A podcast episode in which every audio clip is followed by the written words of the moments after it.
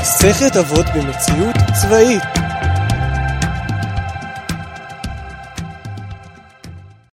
שלום וברוכים השבים לעוד פרק של מאמץ. היום נדבר על והיו עניים בני ביתך. עכשיו, זה קצת קשה לדבר על זה כי בצבא אין, אה, אין עניים. הצבא דואג מאוד שלכולם יהיה בדיוק אותו דבר. אותם מדים, אותם נעליים, בדיוק אותה, אותו זמן של שינה, אותו אוכל בדיוק, אסור, אה, אסור לצ'קלק ולאכול כל מיני חטיפים או להביא את האוכל של עצמך אה, לארוחות. אה, יש שעה בשבוע שאפשר לקנות דברים מהשקם לאנשים שאין כסף, מביאים כסף אה, בשביל הדבר הזה. אז בעצם כולם אותו דבר. אמ, ואין אה, עניים. לכן אה, אני רוצה להסתכל על עניים בצורה קצת שונה.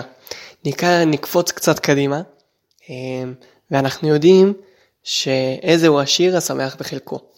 אז אני אעשה הפוך, איזה הוא עני, מי שלא השמח בחלקו. אמ, ויש אנשים שהם באמת אה, לא מרוצים מהמקום שהם הגיעו אליו, או מהאנשים שמסביבם. אה, וזה קצת קשה לראות, אה, אבל ראיתי את זה במיוחד השבוע. השבוע היה לנו שבוע הסמכת פק"לים. פק"ל זה פקודת, פקודת קבע ללוחם. זה בעצם התפקיד שלך בכוח. ויש כל מיני תפקידים, חלק קשים יותר, ופיזיים מאוד, חלק קשים פחות. אה,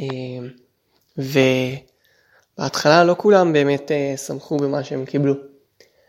אבל אחרי שבוע של, אה, תלוי באיזה פק"ל, אחרי שבוע של למידה, למידה אינטנסיבית והתנסות בפק"ל, אז מתחברים, הם התחברו אליו יותר, ויש כאלה שעשו ממש כאילו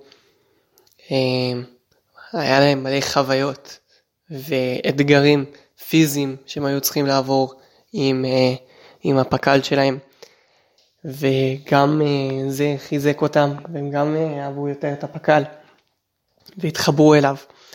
אבל יש אנשים שבודדים ובקבוצות יותר מסוימות שלא כל כך, לא כל כך התחברו, לא כל כך רוצים להיות בקרבי, או דווקא בנחל, או כל מיני, כל מיני uh, דברים כאלה.